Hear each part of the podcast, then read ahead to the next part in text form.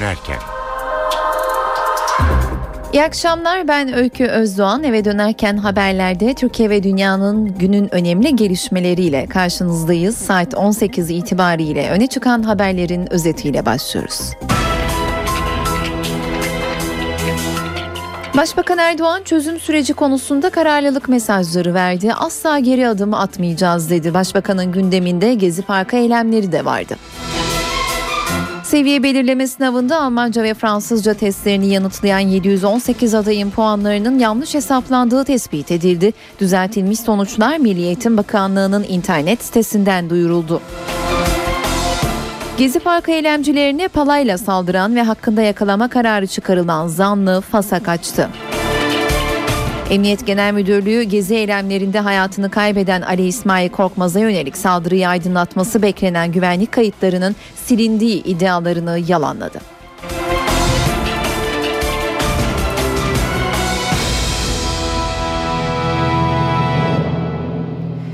Girişi az önce bir bölümünü NTV Radyo'dan da dinlediğiniz Başbakan Erdoğan'ın konuşmasıyla yapalım. Erdoğan çözüm sürecinde kararlılık mesajları verdi. Sabotajlara rağmen geri adım atmayacağız dedi. Bingöl'de konuşan Başbakan Mısır'daki askeri darbeye benzer bir senaryonun Türkiye'de uygulanmak istendiğini söyleyerek Gezi Parkı eylemlerine göndermede bulundu. Her oyuna, her tuzağa boyun eğen insanlar olarak görenler şu anda büyük bir hayal kırıklığı yaşıyorlar. Mısır'da darbeyi yaparız, işimize bakarız diye düşündüler. Ama Mısır halkı bu oyunu bozdu. Bu tuzağı alt üst etti. Bu senaryoyu yırtıp attı. Benzer bir senaryoyu Türkiye'de uygulamak istediler.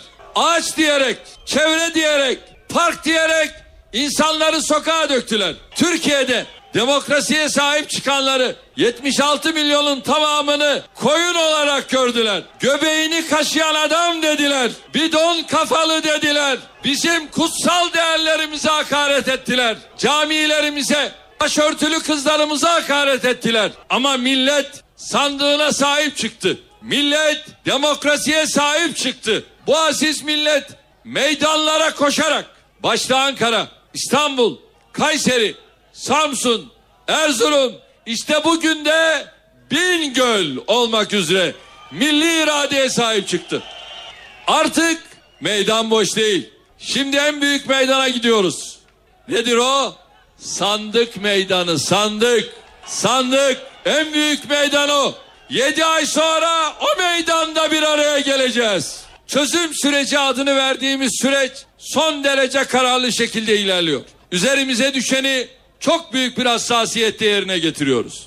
Biz bu süreçte sabotajların olacağını, provokasyonların olacağını, süreci zora sokmak için her türlü oyunun oynanacağını defaatle ifade etmiştik. Nitekim önce Paris, ardından AK Parti Genel Merkezi'ne yapılan saldırı, ardından Hatay'daki Reyhanlı saldırısı, son olarak da İstanbul'da başlatılan olaylar hem özel olarak çözüm sürecini hem de genel olarak Türkiye'nin büyümesini hedef alan olaylardı. Türkiye'nin çözüm sürecini başarıyla tamamlayıp geleceğe çok daha güçlü şekilde ilerlemesinden rahatsız olanlar var. Bunlar boş durmuyorlar. Biz bunlara aldanmayacağız. Aldırış etmeyeceğiz. Bu coğrafyanın, bu bölgenin, Türkiye'nin çevresini değiştirmek, Türkiye'yi daha da büyütmek için ne gerekiyorsa kararlılıkla bunu yapacağız.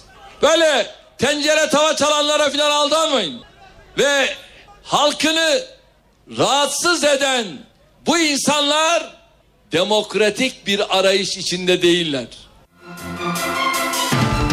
Eskişehir'deki Gezi Parkı eylemlerinde Ali İsmail Korkmaz'a yönelik saldırıyı aydınlatması beklenen güvenlik kayıtlarının bir bölümünün boş olduğu ortaya çıktı.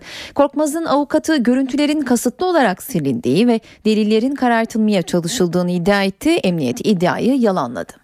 Olay yerini e, görme ihtimali olan 3 e, ayrı iş yerinden savcılık kanalıyla hard disklerine el konuldu. Bu hard disklerden iki tanesinin tamamen boş olduğu tespit edildi. Eskişehir'de gezi eylemleri sırasında saldırıya uğrayan Ali İsmail Korkmaz'ın ölümüyle ilgili soruşturma sürüyor. Soruşturmada güvenlik kamerası kayıtlarının bir bölümünün boş olduğu ortaya çıktı. Korkmaz'ın avukatı Selin Dağlar ve Korkmaz ailesi görüntülerin kasıtlı olarak silindiği iddiasında. İfadesinde 4-5 kişinin kendisine saldırdığını, sivil giyimli olduklarını beyan etti. Ancak konuşmada zorluk çekiyordu. Artı dosyada bir tanık var. Olayı bizzat birebir gördüğünü beyan eden. E, delillerin karartıldığına yönelik ciddi şüpheler var dosyada. Muhtar müdürü görüntülerin emniyet tarafından alındığında ilk alındığı zaman işte açıldığını, denendiğini hatta bir kısmının kopyalandığını ondan sonra hard diskin teslim edildiğini beyan etti. Sağlam olarak teslim alınan hard diskler emniyetten savcılığa gittiğinde artık açılamıyordu.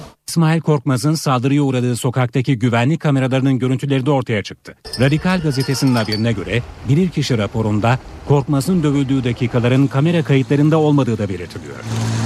Kayıtların silindiği iddiasına hükümet adına yanıtı AK Parti Genel Başkan Yardımcısı Hüseyin Çelik verdi. Savcılığın elinde 40 CD vardır. Bu CD'ler gerek jandarma kriminalda gerekse diğer uzmanlar tarafından incelenmektedir.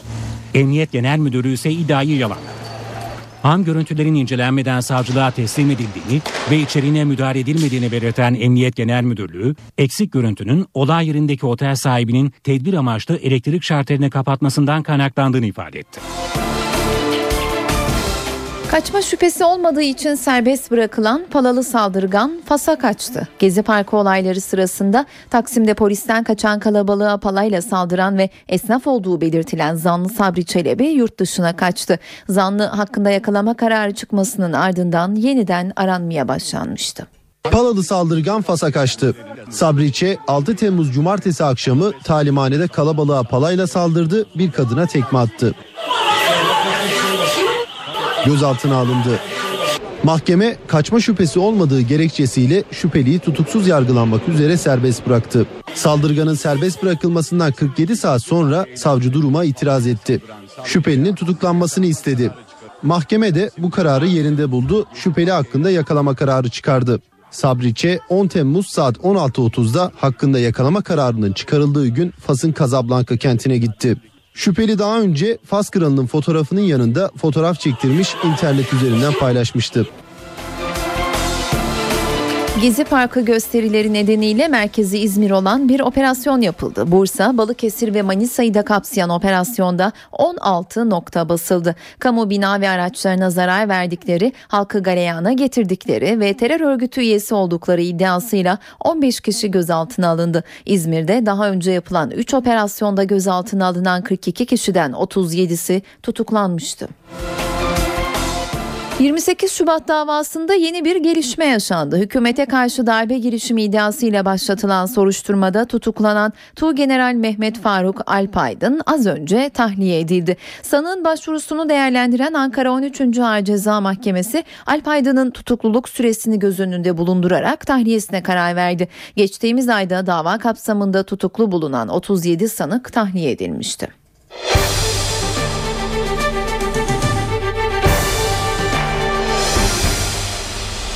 Siyasetin gündeminde yeni anayasa çalışmaları var. Başbakan Erdoğan'dan gelen gelin meclisi toplayalım üzerinde anlaştığımız 48 maddeyi geçirelim çağrısına CHP lideri Kemal Kılıçdaroğlu yanıt verdi.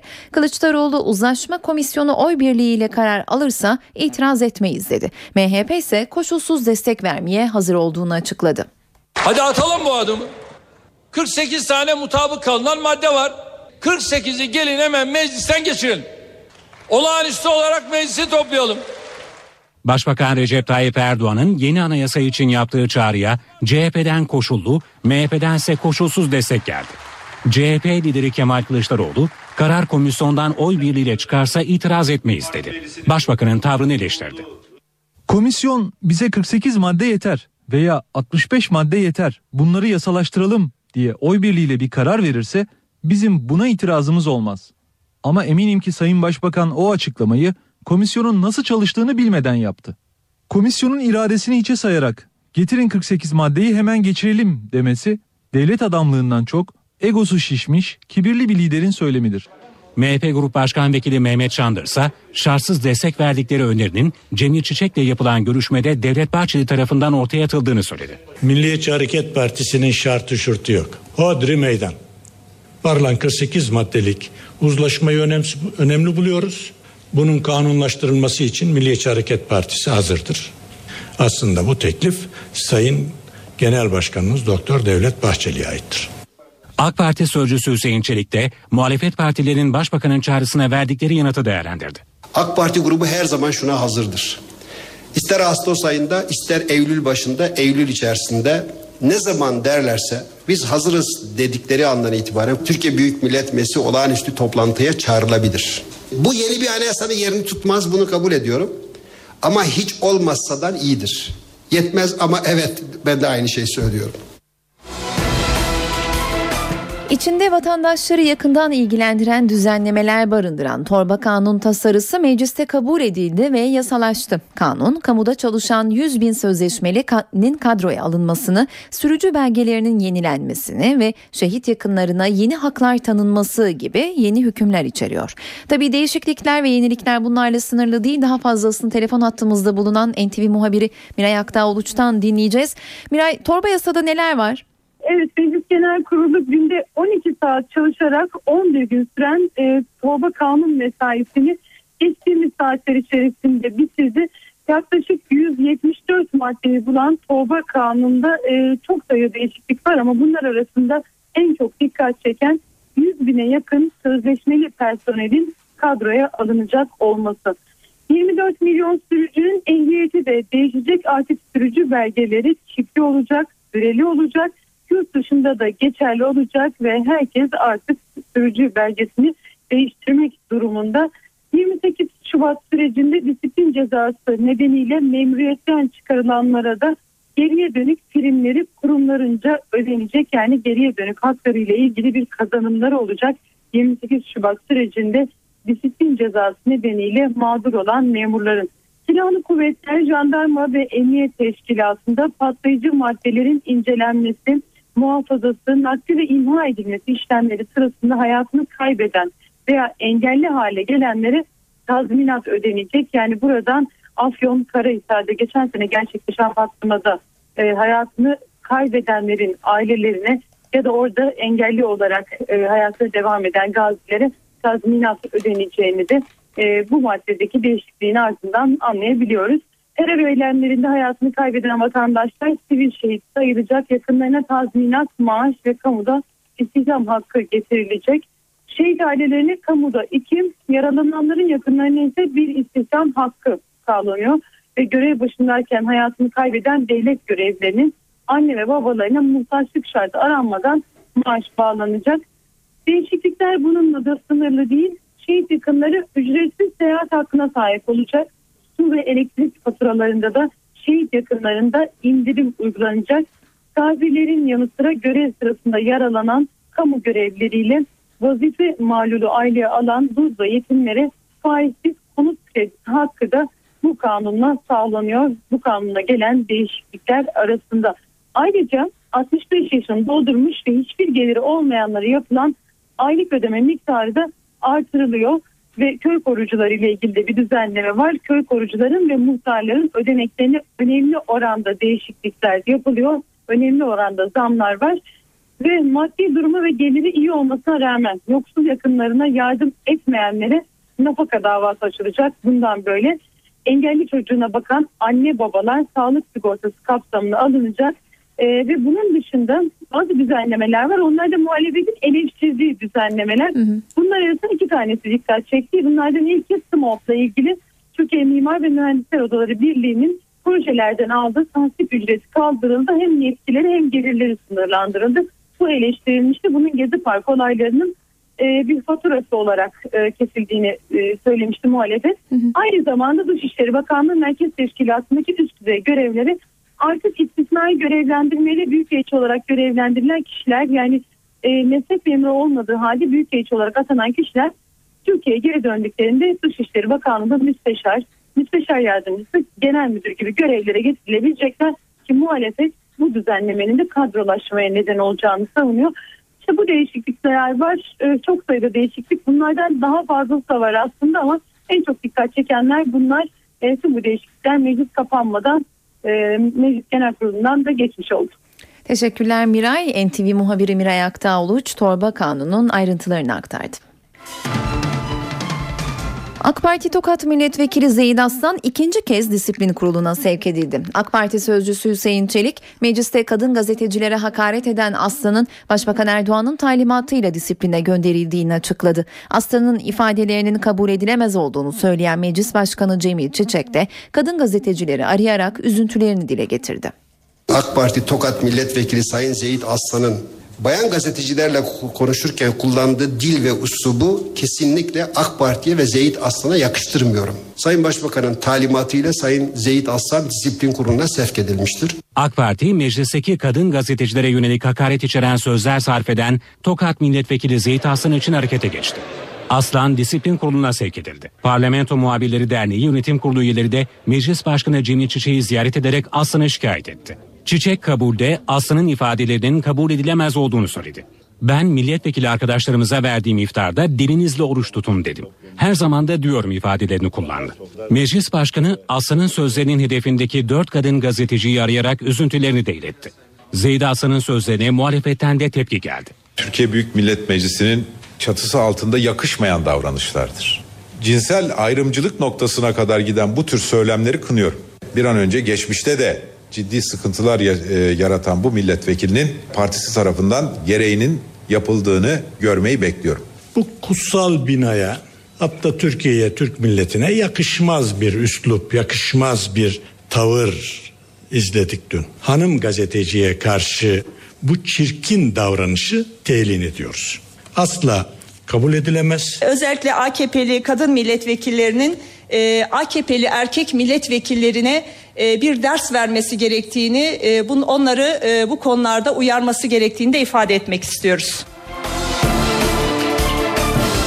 Saatler 18.23 ben Öykü Özdoğan eve dönerken de günün öne çıkan diğer gelişmeleriyle karşınızdayız. Yaklaşık 1 milyon adayın girdiği SBS'de yabancı dil testlerinde yanlış hesaplama yapıldığı iddiası üzerine Milli Eğitim Bakanlığı harekete geçti. Yapılan incelemede yabancı dil testlerinde bazı adayların sonuçlarının hatalı hesaplandığı anlaşıldı. Bakanlık 718 adayın puanlarını yeniden hesapladı. Ayrıntılar NTV muhabiri Gökhan Gerçek'te. Dün sınav sonuçları açıklanmıştı. SBS sınav sonuçları açıklanmıştı. Almanca ve Fransızca testlerinde ne giren 718 adayın sınav sonuçlarının puanlarının yanlış hesaplandığı iddiası vardı. Bu akşam saatlerinde e, yapılan içerik incelemesiyle ilgili de bir değerlendirme geldi. Yazılı açıklama yapıldı Milli Eğitim Bakanlığı tarafından. Açıklamada şöyle denildi. Yapılan incelemenin neticesinde sınavda Almanca ve Fransızca testlerini yanıtlayan 718 adayın puanlarının hesaplanmasında farklı bir cevap anahtarı ile değerlendirmekten kaynaklanan yanlış olduğu görülmüştür. 12 Temmuz gecesi saat 00 itibariyle ilan edilen sonuçlardaki yanlışlık fark edilerek e, sınav sonuçlarında hata olan öğrencilerimizin sınav kağıtları doğru cevap anahtarları ile birkaç saat içerisinde yeniden değerlendirilerek hesaplanmıştır denildi. Evet e, dün açıklama açıklama yapılmıştı sınav sonuçları açıklanmıştı ama Milli Eğitim Bakanlığı hatayı fark etti. Gece 12 itibariyle tekrar hesaplama yaptı ve bugün 12 Temmuz 2013 günü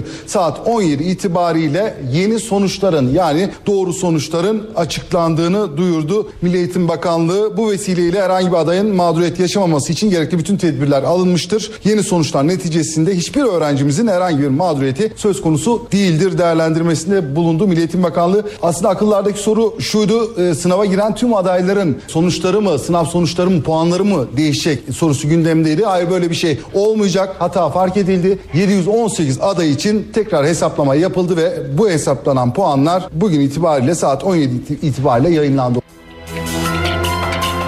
Yabancı dil testlerinde bazı adayların puanı yeniden hesaplanacak ancak diğer testlerde sıkıntı yok. Sonuçlar değişmeyecek ve birinciler belli. 1 milyondan fazla öğrencinin girdiği seviye belirleme sınavında tam 16 öğrenci 500'er tam puan alarak birinciliği paylaştı. Birinciler İstanbul, Manisa, Eskişehir, Konya, Diyarbakır, Zonguldak, Kütahya, Aydın ve Gaziantep'ten çıktı. En çok birinci çıkaran il İstanbul. Tam 3 birinci var İstanbul'da. NTV o birincilere mikrofon uzattı. Okulumun çok katkısı oldu burada ve işte çalışırken aynı zamanda bir sürü aktiviteler yaptım. Voleybol oynadım, seramik yaptım. Son bir sene zorlu mu geçti? Evet, bayağı zorlu geçti, çok çalıştık. Peki hedefin ne? Robert olabilir. Peki.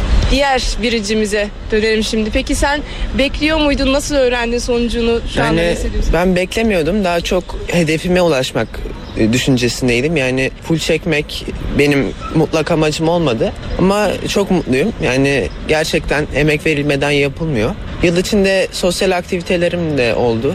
Hani ondan da ödün vermemeye çalıştım olabildiğince. Of çaldım, basketbol oynadım vesaire. Nasıldı sınav? Ee, sınav ilk başta çok zor geldi. Türkçe'de zorlandım. Dedim e, sınav zor yapmalıyım falan dedim. Sonra işte son 30 saniye girince kitapçıyı gezerken iki soru fark ettim. Dedim bir bakayım bunları bir daha. Son anda o iki soruyu değiştirdim. O, o iki soru hayatımı değiştirdi. Peki nasıl çalıştın? Yoğun muydu son sene? Ee, son sene yoğundu. Okuldan e, kulübün Beşiktaş antrenmanı sonra eve gelip işte çalışmaya bakıyordum. Ama e, bu e, masa başında 500 soru çözerek yapılacak bir iş değil. Önemli olan dersi derste öğrenmek. Şimdi sıra tercihlerde. Lise tercihleri 15-21 Temmuz arasında alınacak. Milli Eğitim Bakanlığı'ndan yapılan açıklamaya göre adaylar tercihlerini yaparken ortaöğretim yerleştirme puanını dikkate alacak. Öğrenciler en fazla 10 tercihte bulunabilecek. Başvurular internet üzerinden bireysel ya da okul aracılığıyla yapılabilecek. Yerleştirme sonuçları ise 6 Ağustos'ta açıklanacak. Asıl listeden kayıt hakkı kazanan öğrencilerin 12-16 Ağustos tarihlerinde kayıt yaptırmaları gerekecek.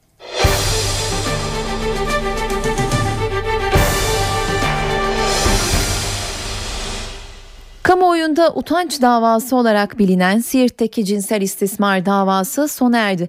Dört kız çocuğuna cinsel istismardan yargılanan eski okul müdür yardımcısı için verilen 46 yıl hapis cezası onandı. Türkiye'yi sarsan utanç davası sonuçlandı.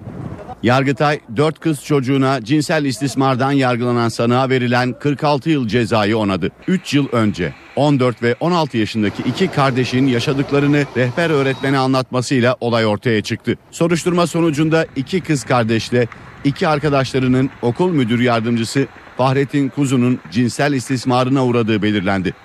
Siirt Cumhuriyet Başsavcılığı müdür yardımcısının yanı sıra bazı kamu görevlileriyle kentteki esnafın da olaya karıştığını tespit etti. 4 çocuk koruma altına alındı. 39 kişi hakkında dava açıldı. Olayın ortaya çıkması üzerine müdür yardımcısı Fahrettin Kuzu emekliye ayrılarak ortadan kayboldu. 20 sanık 2 ila 31 yıl arasında değişen hapis cezalarına çarptırıldı. Fahrettin Kuzu ise olaydan 19 ay sonra Batman'da yakalandı. Mahkeme dosyası diğer sanıklardan ayrılan Kuzu'ya çocukların ruh ve beden sağlığını bozacak şekilde cinsel istismar suçundan 46 yıl 8 ay hapis cezası verdi. Karara itiraz edilince dosya Yargıtay'ın gündemine geldi. Ancak karar değişmedi. Yargıtay 14. Ceza Dairesi yerel mahkemenin verdiği 46 yıl 8 aylık hapis cezasını onadı. Adıyaman'ın Kahta ilçesinde acı bir olay yaşandı. Otomobilde mahsur kalan zihinsel engelli çocuk sıcaktan öldü. 7 yaşındaki zihinsel engelli Zeynep Orman oynamak için komşularına ait araca bindi. Kendini aracın içine kilitleyen çocuk kapıları açamadı. Sıcak ve havasızlıktan bayıldı. Kızlarının kaybolduğunu fark eden ailesi çevreyi aradı ama Zeynep'i bulamadı. Belediye ve cami hoparlörlerinden yapılan anonslar da yeterli olmadı. Zeynep Orman saatler sonra otomobilin içinde bulundu. Küçük kızın aracın içinde hayatını kaybettiği anlaşıldı.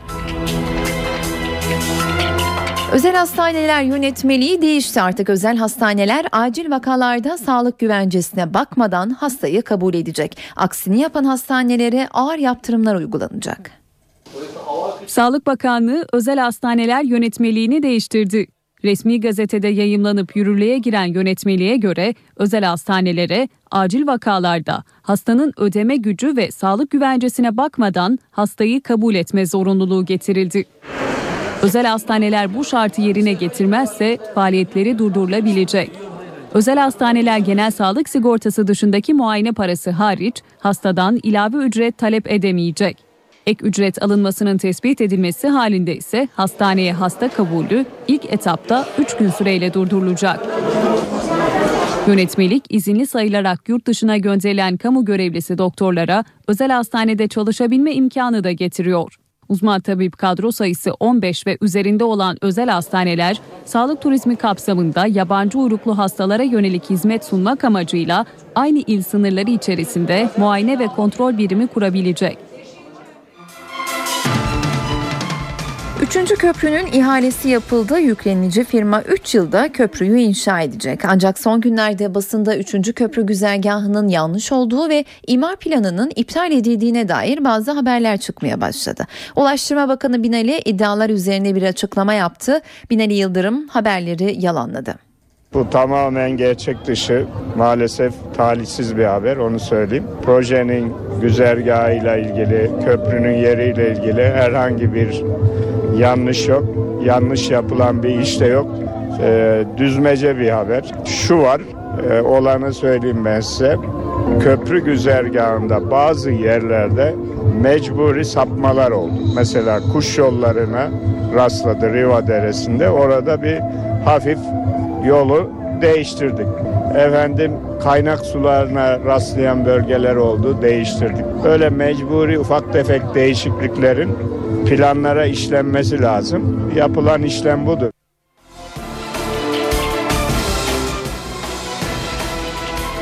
Enerji Bakanı Taner Yıldız doğalgaz fiyatları ile ilgili konuştu. Yıldız Avrupa Birliği ülkeleri arasında doğalgazı en ucuza alan ülke değiliz ama doğalgazı en ucuz tüketen ülkeyiz dedi. Avrupa Birliği üyesi ülkeler arasında şu anda biz doğalgazı en ucuz alan ülke değiliz. Ama doğalgazı en ucuz kullanan ülkeyiz. Bu çok önemli bir şey. 27 tane Avrupa Birliği üyesi ülke arasında doğalgazı en ucuz kullanan ülkeyiz arkadaşlar. Bu sanayicimiz için de, konut sahiplerimiz için de, hepsi için de son derece önemli bir konu. Ne için bunu e, böyle yapabiliyoruz? Biz açık pozisyonda çalışan bir sektörüz. Dövizle alıp TL ile satıyoruz. Yani 1.84'ten 1.94'e çıktı e, dolar paritesi.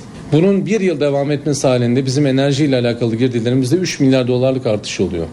Bütün bunları balans edebilmek, kendi içimizde bu göğsümüzde yumuşatabilmek ancak diğer yerli enerji kaynaklarımızla beraber gerçekleşebiliyor. Sırada ekonomi notları var. Bugün para ve sermaye piyasalarında neler olduğuna bakalım. CNBC'den Enis Şen Erdem'i dinliyoruz.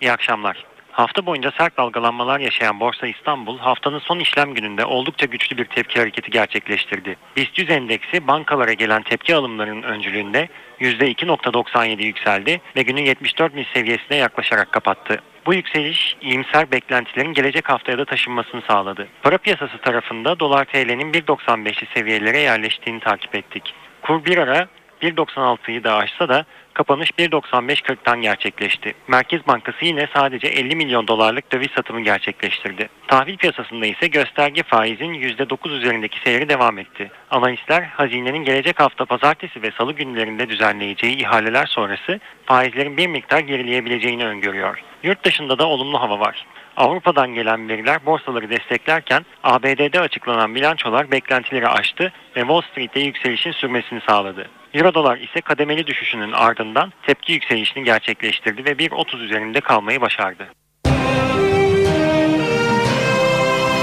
NTV Radyo Mısır'da Ramazan'ın ilk cuması olan bugün Mursi destekçileriyle karşıtları gösteri düzenliyor. Müslüman kardeşler Cumhurbaşkanlığından azledilen Mursi'ye destek için Adeviye meydanında toplandı. Mursi karşıtları ise iftar sofrası sonrası Tahrir'de toplanmaya hazırlanıyor. Farklı meydanlardaki kalabalıkların bir çatışmanın fitilini ateşlemesinden endişe ediliyor. Mısır'daki gelişmeler hakkında bugün AK Parti sözcüsü Hüseyin Çelik'ten açıklama geldi. Çelik Partisi'nin darbe Mursi'ye yapıldığı için değil, halkın iradesi yok sayıldığı için tepki gösterdiğini söyledi.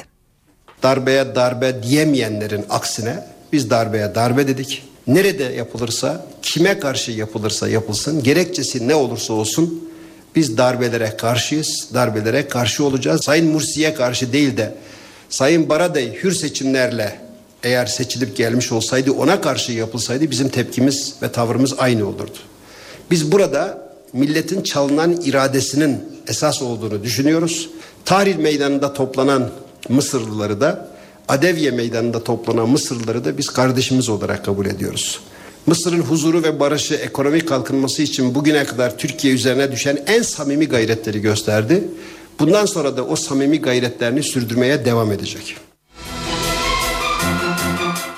Suriye'de bu kez Beşar Esad'a muhalif olan güçler karşı karşıya geldi. El-Kaide, Özgür Suriye ordusunun üst düzey komutanlarından birini öldürdü. Muhalif komutanlarından Kemal Hamami, Irak İslam Devleti adlı örgütün üyeleriyle toplantı için Laskiye'ye gitti. Esad'a karşı mücadele planlarının ele alındığı toplantı kanlı bitti. Örgüt üyeleri Kemal Hamami'yi öldürdü. El-Kaide bağlantılı örgüt Özgür Suriye ordusunun diğer üst düzey yetkililerini de tehdit etti. Özgür Suriye ordusu komutanın öldürülmesini savaş ilanı olarak niteledi. Eski CIA çalışanı Edward Snowden'ın Amerikan istihbaratının faaliyetlerine ilişkin bilgileri basına sızdırması Ruslarda korkuya neden oldu. Rus ajanlar gizli yazışmalar için artık bilgisayar yerine daktilo kullanacak. Rus istihbaratı eskiye dönüyor. Rus Federal Koruma Servisi bilgisayarları bir kenara bırakıp daktilo kullanmaya başlayacak. Snowden'ın basına sızdırdığı gizli belgeler Rus ajanları harekete geçirdi. Rusya Devlet Başkanı Vladimir Putin'i korumakla sorumlu Federal Koruma Servisi gizli raporlarını bundan sonra daktilo ile yazma kararı aldı. Haberin kaynağı Kremlin'e yakınlığıyla bilinen İzvestiya gazetesi. Gazeteye göre servis 20 daktilo alacak. Bu daktilolar Putin'e sunulan resmi belge ve raporları yazmak için kullanılacak. Eski CIA ajanı Edward Snowden, ABD'deki Ulusal Güvenlik Kurumu'nun dünya üzerinde milyonlarca kişiye ait internet kayıtlarını ve okyanus ötesi fiber optik ağları izlediğini basına sızdırmıştı. Washington'ın Türk Büyükelçiliği'nin de aralarında olduğu 30'dan fazla müttefik ülkeye ait temsilciliği dinlediği de ortaya çıkmıştı. Çin'de hafta başından beri aralıksız yağan sağanak yağmur güneybatıdaki Sichuan eyaletine vurdu. Dere yatağına inşa edilen binalar selin ortasında kaldı. Birçok bina sel ve toprak kaymasına direnemeyerek yıkıldı. Bölgede yaşayanların bir bölümü tahliye edilirken bazıları yıkılan binalarla birlikte sele kapıldı. Kurtarma ekipleri kayıp 5 kişiye ulaşmaya çalışıyor. Dünya çapında toplam 57 milyon çocuk okula gidemiyor ve bu çocukların çok büyük bir bölümü çatışma bölgelerinde yaşıyor. Üstelik çocukların yarısından fazlası henüz ilk okul çağında. Birleşmiş Milletler Eğitim Bilim ve Kültür Kurumu UNESCO'nun hazırladığı raporda özellikle savaş bölgelerinde okula gidemeyen çocuklar kapsamlı şekilde ele alınıyor. Okulları, öğretmenleri ve çocukları hedef alan saldırılar çatışmaların eğitim üzerindeki yıkıcı etkisini de gözler önüne seriyor.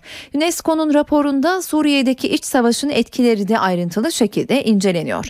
Geçtiğimiz son iki yılda Suriye'de yaklaşık 4000 okulun yıkıldığı, zarar gördüğü veya eğitim dışındaki amaçlar için işgal edildiği belirtiliyor. Suriyeli çocuklarsa şiddet, işkence ve tehditle karşı karşıya kalıyor. Sivil toplum kuruluşları özellikle çatışma bölgelerindeki çocukların eğitime devam edebilmesi için gelişmiş ülkelerin daha fazla destek sağlamasını istiyor.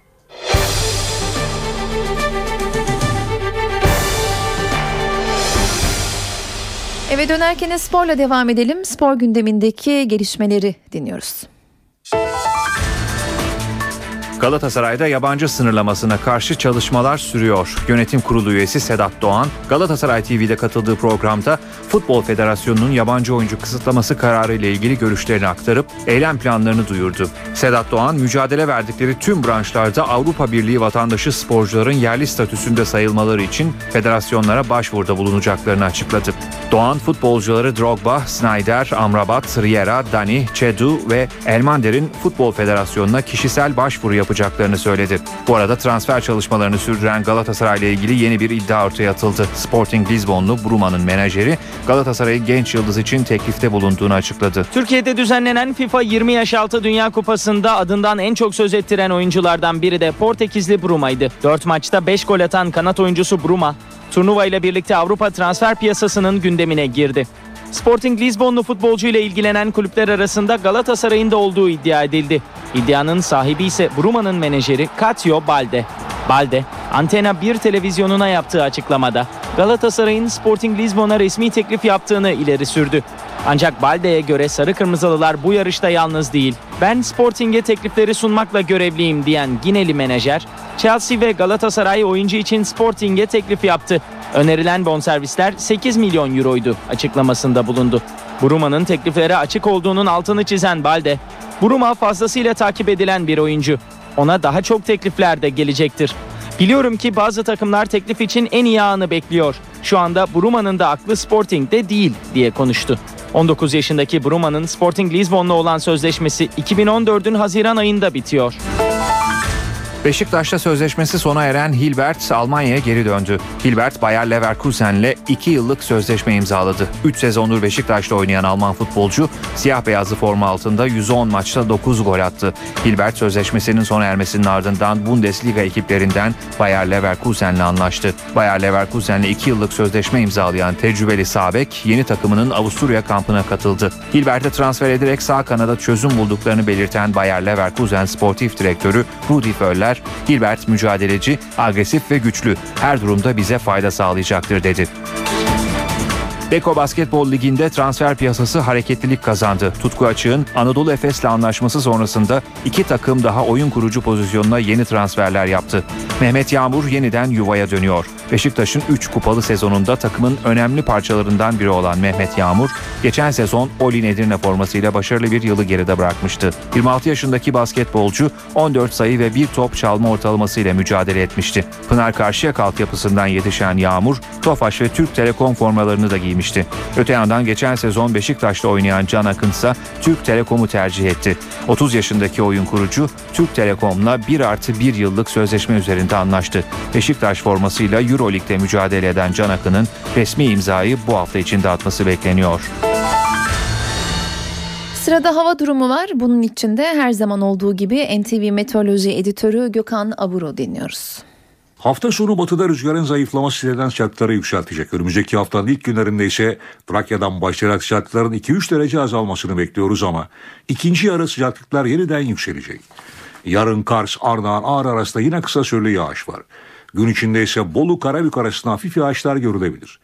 Pazar günü Artvin, Ardahan, Kars, Bayburt arasında yağış aralıklarla devam ederken Kütahya, Eskişehir, Bolu arasında yerel sağanaklar görülecek. Pazartesi günü Kütahya, Eskişehir, Bolu, Karabük, Kastamonu arasındaki sağanaklar aralıklarla devam ederken akşam saatlerinde Trakya'da artacak bulutlanmanın, gece saatlerinde Edirne, Kırklareli arasında yağış başlatmasını bekliyoruz. Evet İstanbul'da sabah ve gecelerde rüzgar oldukça sakin. O bakımdan bunaltıcılık bir hayli artıyor. Gün içinde Poyraz yine sertleşmeye devam edecek. Sıcaklıklar yarın için 31 derece. Ankara'da hava açık ve sıcak. Gündüz sıcaklık yine 33 derecenin üzerine çıkacak. Gece sıcaklığı ise 20 derece. İzmir'de hafif rüzgar bunaltıyor. Sıcaklık gölgede 33 derecenin üzerine çıkacak. Çeşme'de ise rüzgar gün içinde sertleşerek biraz da olsa serinlik vermeye çalışacak. Akdeniz boyunca yüksek nem etkisini sürdürürken yine bunaltıcı bir hafta sonu geçirecekler. İç Anadolu bölgemizde sıcaklıklar ortalamaların yine 4-5 derece üzerinde seyrederken doğuda güneydoğuda sıcaklıklar 40 derecenin üzerine çıkacak. Güney Ege'de ise karayel yine kuvvetli esmeye devam edecek. Gelelim kültür ve sanat dünyasından haberlere size çeşitli etkinliklerden bir derleme sunuyoruz.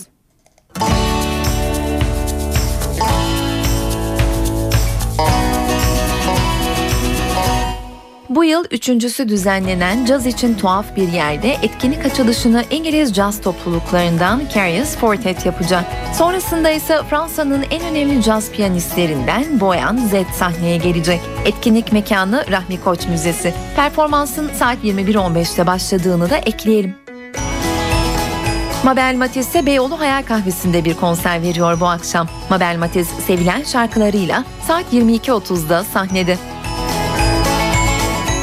Avrupa Caz Kulübü kapsamında bugün Şenay Lambıoğlu da dinlenebilir. Caz dünyasının sevilen isimlerinden Lambıoğlu, kornet ve saksofon virtüözü Mederic Collignon'la paylaşacak sahneyi. Salon İKSV'deki konserin saat 22.30'da başladığını hatırlatalım.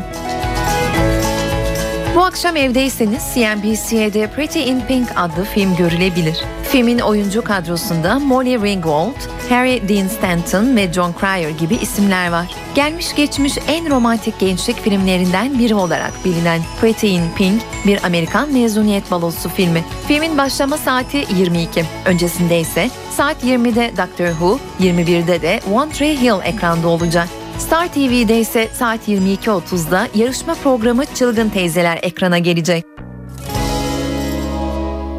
Böylece eve dönerken programının sonuna geldik. Ben Öykü Özdoğan. Pazartesi günü aynı saatte tekrar karşınızda olacağız. Şimdilik hoşçakalın.